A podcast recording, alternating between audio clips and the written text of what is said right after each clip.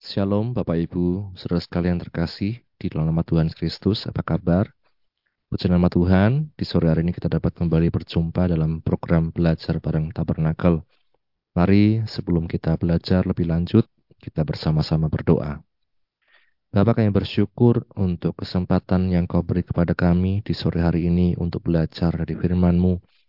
Bukalah hati kami, pikiran kami, dan mampukan kami roh kudus untuk memahami, mengerti, dan untuk kami melakukan firman-Mu. Kami bersyukur, ini doa kami, di dalam nama Tuhan Yesus kami berdoa, haleluya. Amin. Puji Tuhan, Bapak Ibu Saudara sekalian, kita akan melanjutkan pembelajaran kita. Ya, kita sudah sampai di episode yang ke-27 dan kita kembali tidak bosan-bosannya akan mengulang tentang skema tabernakel ini bahwa Setidaknya kita bisa melihat dari skema ini bagaimana perjalanan kehidupan kita sebagai orang percaya, orang Kristen. Yang pertama diawali di pintu gerbang yaitu kita percaya, beriman kepada Tuhan Yesus Kristus sebagai Tuhan dan Juru Selamat kita. Di mesbah korban bakaran kita melihat ya korban Kristus yang begitu nyata, korban Kristus yang menebus setiap kehidupan kita sebagai orang percaya hanya oleh korban Kristus itulah kita dapat selamat, diperdamaikan dengan Bapa, mendapat anugerah keselamatan dan kehidupan yang kekal. Kolam pembasuhan di sini juga uh, sering kali uh, digambarkan ini sebagai satu proses dalam kehidupan kita orang percaya. Kalau sekarang yaitu baptisan air, bahwa kita menanggalkan manusia lama, manusia lama itu tenggelam, mati, kemudian kita bangkit, sebagai manusia baru di dalam Yesus. Pintu kemah adalah baptisan Roh Kudus. Ya, peran Roh Kudus sangat penting baik mulai dari kita percaya sampai kita terus dipimpin untuk hidup dalam ruang suci, dalam ruang kebenaran, dalam kebenaran firman Tuhan. Di dalamnya terdapat meja roti, sajian yang melambangkan firman Tuhan. Ya, roti itu makanan bagi tubuh jasmani kita, tetapi firman Tuhan itu adalah makanan bagi manusia roh kita. Pelita emas atau kandil ini menunjukkan hidup kita sebagai terang, makanya pelita ini terus menyala. Roh Kudus yang memampukan kita untuk terus menjadi terangnya. Mesbah dupa atau mesbah emas ini kehidupan doa dan penyembahan. Kita sebagai orang percaya pun, firman Tuhan katakan jangan sampai kita hanya berdoa, menyembah Tuhan, waktu di gereja. Tetapi saat di mana pun kita berada dalam kondisi apa pun, kita memiliki satu sikap untuk menyembah Tuhan. Pintu tirai atau tabir inilah pintu yang uh, robek ketika Yesus tersalib ya.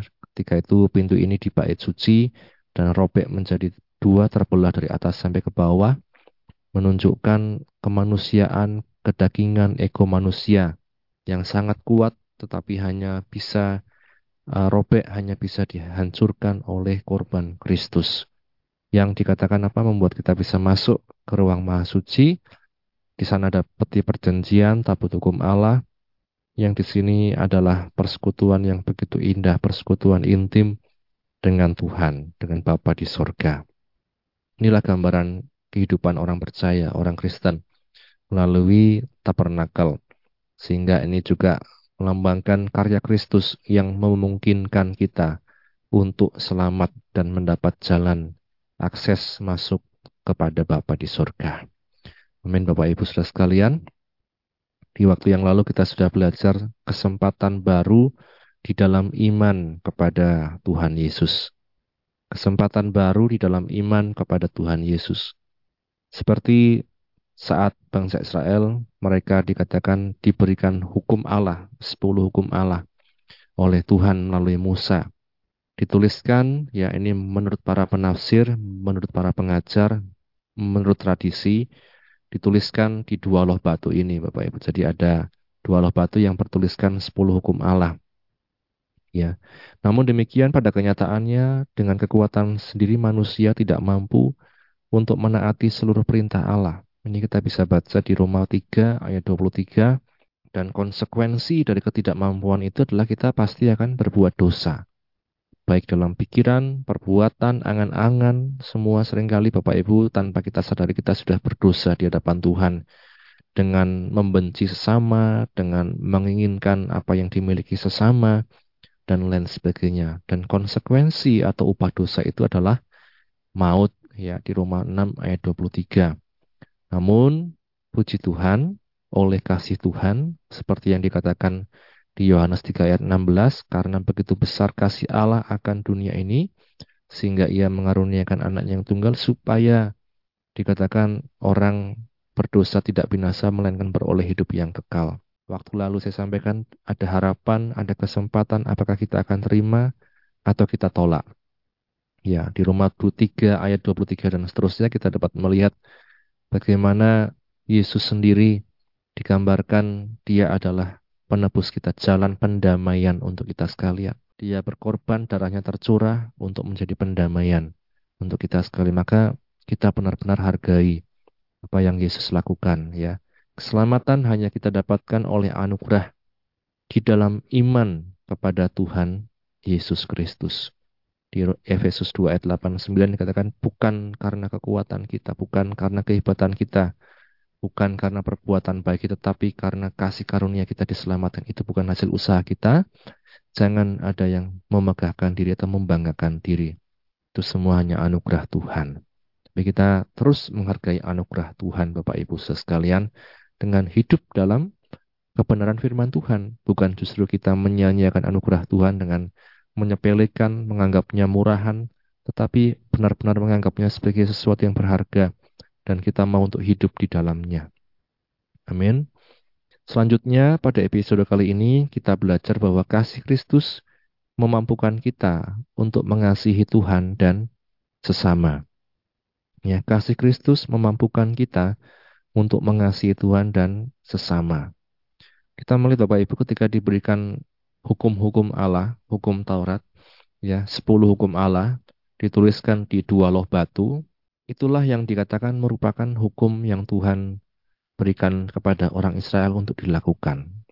Dan ketika Yesus datang ke dalam dunia, dia memberikan kesimpulan tentang hukum-hukum tersebut. Kita melihat dalam Matius pasal 22 ayat 36 sampai 37. Guru, hukum manakah yang terutama dalam hukum Taurat? Jawab Yesus kepadanya, Kasihilah Tuhan Allahmu dengan segenap hatimu dan dengan segenap jiwamu dan dengan segenap akal budimu. Itulah hukum yang terutama dan yang pertama. Dan hukum yang kedua yang sama dengan itu ialah kasihilah sesamamu manusia seperti dirimu sendiri. Pada kedua hukum inilah tergantung seluruh hukum Taurat dan kitab para nabi. Ya, ini Bapak Ibu Saudara sekalian kita melihat Yesus menyimpulkan, Yesus mengambil inti. Yang pertama dikatakan kasihilah Tuhan Allahmu dengan segenap hatimu dan dengan segenap jiwamu dan dengan segenap akal budimu. Itulah hukum yang terutama dan yang pertama. Dan hukum yang kedua yang sama dengan itu ialah kasihlah sesama manusia seperti dirimu sendiri. Pada kedua hukum inilah tergantung seluruh hukum Taurat dan kitab para nabi. Jadi Bapak Ibu, dari misalnya 10 hukum Allah, dasar titah, ya, e, jangan ada pada mula lain, jangan membuat patung, jangan membunuh, dan lain sebagainya. Yesus simpulkan menjadi dua. Kasihlah Tuhan Allahmu dengan segenap hatimu, kasihlah sama manusia seperti dirimu sendiri.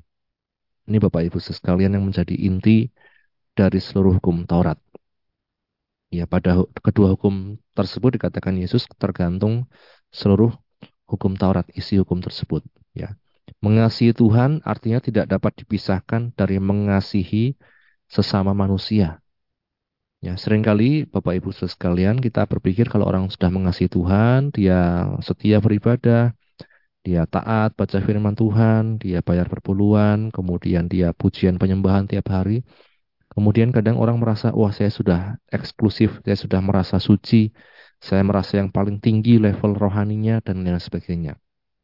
Akhirnya dia merasa manusia lain itu tidak selevel, apalagi manusia yang jahat, manusia yang berdosa, manusia yang dia anggap tidak selevel dengan dia, yang dia anggap tidak sebaik dia, dan lain sebagainya. Padahal kalau kita melihat kedua hukum tersebut, Bapak Ibu Saudara sekalian, mengasihi Tuhan itu tidak dapat dipisahkan dari mengasihi sesama manusia. Ya, mengasihi Tuhan tidak dapat dipisahkan dari mengasihi sesama manusia. Maka kalau kita e, bertanya ya kepada diri kita sendiri apa arti mengasihi Tuhan? Artinya ya sama juga dengan mengasihi sesama kita. Ya. Artinya bagaimana cara kita mengasihi sesama kita? Ya, kita mengasihi Tuhan, kita tahu apa yang firman Tuhan katakan tentang sesama, kita mengasihi sesama manusia. Bagaimana kita mengasihi Tuhan? Ya, kita lihat sesama kita. Apakah kita mengasihi sesama kita? Manusia. Ya, Bapak Maka saya katakan tidak dapat dipisahkan kedua hal ini tentang mengasihi. Ya. Nah, selanjutnya yang menjadi pertanyaan ini juga yang ditanyakan oleh seseorang kepada Yesus yaitu siapakah sesamaku manusia? Bapak Ibu sekalian, kalau pertanyaan ini diajukan kepada kita, kita apakah bisa jawab siapakah sesamaku manusia? Secara umum, secara pengetahuan kita akan jawab semua yang adalah manusia adalah sesamaku manusia. Tetapi pada prakteknya, Bapak Ibu sekalian, kita tidak merasa bahwa semua manusia itu sesama manusia. Contohnya siapa? Kalau dalam Lukas pasal 10 ini kita melihat ada perumpamaan tentang orang Samaria yang baik hati ya. Digambarkan ya kita baca saja uh, Lukas pasal yang ke-10. Lukas pasal 10 mulai ayat 29 dikatakan tetapi untuk membenarkan dirinya, orang itu berkata kepada Yesus, "Dan siapakah sesamaku manusia?" Jawab Yesus, "Adalah seorang yang turun dari Yerusalem ke Yeriko.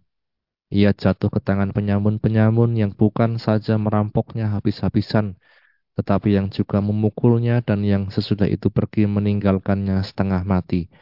Kebetulan ada seorang imam turun melalui jalan itu.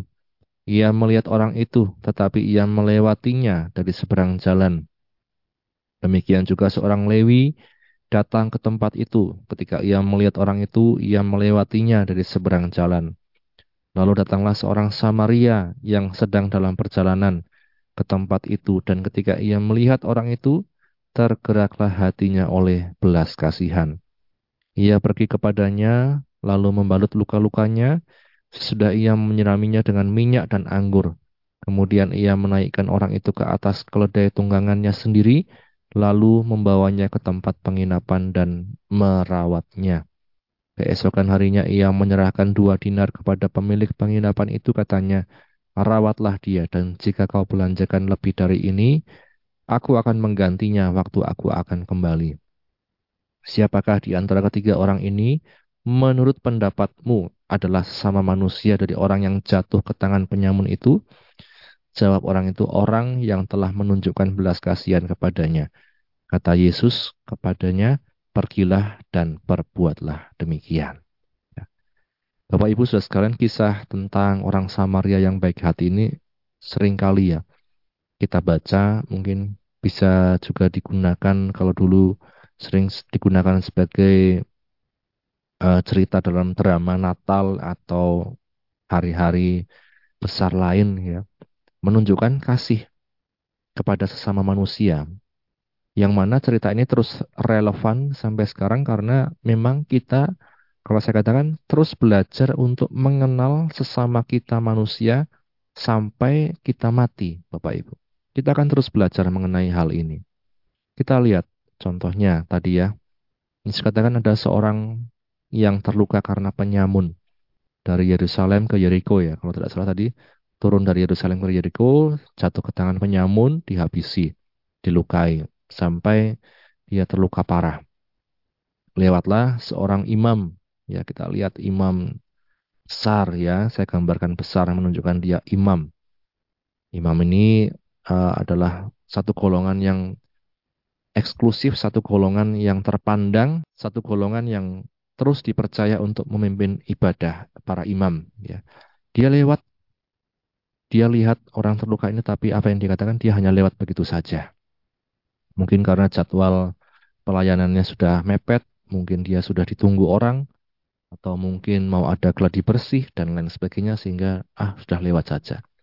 Kemudian lewat juga seorang golongan Lewi. Lewi ini juga orang yang bekerja di uh, rumah ibadah waktu itu ya, menyelenggarakan ibadah, ikut membantu-bantu dan lain sebagainya. Dia juga lewat begitu saja. Dia lihat tapi dia lewat begitu saja. Ya. Kemudian yang ketiga dikatakan seorang Samaria yang naik keledai. Tapi di sini unta ya, gambarnya unta. Yang sebenarnya dia naik keledai. Dia melihat kemudian apa? Hatinya tergerak oleh belas kasihan. Bagi orang Israel, Bapak Ibu Saudara sekalian di masa itu pergaulan dengan orang Samaria adalah pergaulan yang dilarang.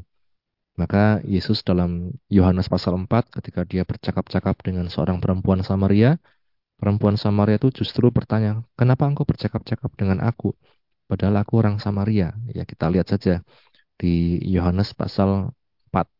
Ya, Yohanes pasal 4 ayat 9, maka kata perempuan Samaria itu kepadanya, "Masakan engkau seorang Yahudi minta minum kepadaku seorang Samaria?" Sebab orang Yahudi tidak bergaul dengan orang Samaria ya. Karena apa? Dalam sejarahnya orang Samaria ini dianggap sebagai orang campuran ya, tidak Israel murni, tidak Yahudi sejati karena mereka sudah bercampur dengan bangsa-bangsa lain. Nah, sehingga ketika Yesus bercakap-cakap, justru orang Samaria ini tanya, loh engkau kok mau bercakap-cakap dengan aku? Padahal dikatakan orang lain tidak mau, apalagi orang Yahudi. Di sini Bapak Ibu, orang Samaria ini pun tentu memikirkan hal yang sama. Dia bisa berpikir selama ini orang Yahudi tidak mau menganggap kami sama dengan mereka. Untuk apa saya tolong? Ya, tetapi dia tidak memikirkan hal itu, dia mengabaikan itu. Hatinya dikatakan tergerak oleh belas kasihan sehingga dia tolong orang ini. Maka Yesus katakan, siapakah sesama manusia? Ya, dikatakan orang samar yang baik hati ini. Bapak Ibu sekalian, berbagai macam status, jabatan, Bahkan jabatan-jabatan rohani sering kali membuat kita justru tidak bisa mengenali sesama manusia. Berbagai macam yang kita peroleh, jabatan, harta, pangkat, ya, bahkan status rohani, jadi pelayan Tuhan, jadi hamba Tuhan, sering kali justru membuat kita tidak bisa mengenali sesama kita manusia. Ya, maka saya katakan jangan sampai kita lupa siapa sesama kita manusia bahwa ya sesama manusia ya manusia siapa pun itu dikatakan itulah sesama kita manusia. Ya kalau kita bayangkan Bapak Ibu seperti yang dikatakan Paulus, dia sebagai orang Yahudi membanggakan. Ya kita baca saja ya. Uh, misalnya di Filipi pasal yang ketiga. Nah, Filipi pasal 3 misalnya di ayat yang keempat. Sekalipun aku juga ada alasan untuk menaruh percaya pada hal-hal lahiriah, jika ada orang lain menyangka dapat menaruh percaya pada hal-hal lahiriah, aku lebih lagi. Disunat pada hari ke-8 dari bangsa Israel, dari suku Benyamin, orang Ibrani asli, tentang pendirian terhadap hukum Taurat, aku orang Farisi, tentang kegiatan aku penganiaya jemaat, tentang kebenaran dalam mentaati hukum Taurat, aku tidak bercacat. Tetapi apa yang dahulu merupakan keuntungan bagiku, sekarang kuanggap rugi karena Kristus, Malahan segala sesuatu ku anggap rugi karena pengenalan akan Kristus Yesus Tuhanku lebih mulia daripada semuanya. Oleh karena dialah aku telah melepaskan semuanya itu dan menganggapnya sampah supaya aku memperoleh Kristus dan berada dalam dia bukan dengan kebenaranku sendiri karena mentaati hukum Taurat, melainkan dengan kebenaran karena kepercayaan kepada Kristus, yaitu kebenaran yang Allah anugerahkan berdasarkan kepercayaan. Firman Tuhan katakan Paulus ini bangga. Ya, dia bisa banggakan disunat pada hari ke-8 dari bangsa Israel, suku Benyamin, orang Ibrani asli, aku orang Farisi. Ini kebanggaan Bapak Ibu sekalian. Nah, maka dia tidak merasa bersalah ketika menyiksa orang yang mengikut jalan Tuhan, orang yang percaya pada Yesus dan lain sebagainya karena dia bangga.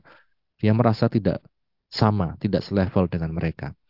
Nah, tetapi dikatakan apa yang dulu merupakan kebanggaan, sekarang kuanggap rugi karena Kristus.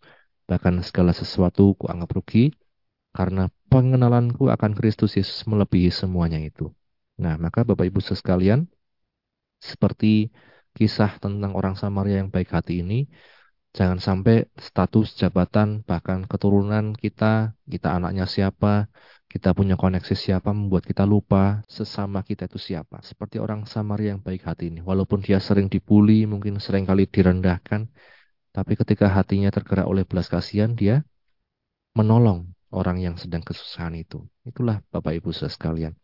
Mengasihi Tuhan tidak membuat kita menjadi pribadi yang eksklusif atau menganggap yang lain lebih rendah. Ya, seperti yang saya katakan tadi, kita sudah merasa suci, merasa sudah paling benar ibadahnya, merasa sudah paling hebat ya penyembahannya dan lain sebagainya kemudian kita bisa merasa yang lain lebih rendah. Oh kamu kok seperti itu? Mengasihi Tuhan justru membuat kita dikatakan semakin bisa mengasihi sesama bisa mengenali sesama bukan semakin tidak kenal sama sesama kita.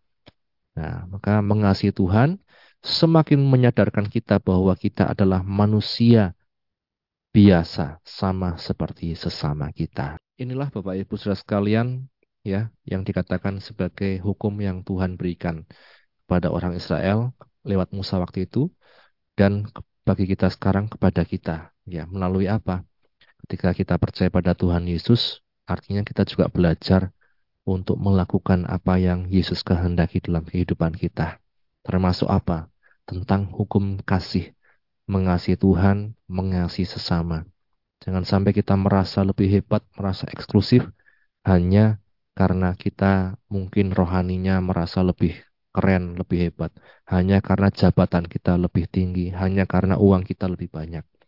Tapi mari kita belajar untuk semakin hari semakin mengenal siapa Tuhan kita dan siapa sesama kita. Kiranya firman Tuhan pada sore hari ini menjadi kekuatan dan berkat untuk kita sekalian. Mari sama-sama kita berdoa. Bapak kami bersyukur untuk firman-Mu yang telah kami baca, kami dengar, kami renungkan. Tolong kami semakin hari semakin mengasihi Engkau dengan segenap hati, dengan segenap jiwa, dengan segenap kekuatan kami. Dan di samping itu kami juga semakin mengenali siapa sesama kami dan dapat mengasihi sesama kami. Tolong kami roh kudus karena kami tidak mampu tanpa kekuatan yang daripadamu. Berkatilah anak-anakmu yang sudah mendengar firmanmu di mana pun mereka berada. Dalam pergumulan apa pun Tuhan, Engkau yang menolong Tuhan. Kami bersyukur. Ini doa kami kalau nama Tuhan Yesus yang berdoa, haleluya. Amin. Puji Tuhan, Bapak Ibu Saudara sekalian, Tuhan Yesus berkati. Amin.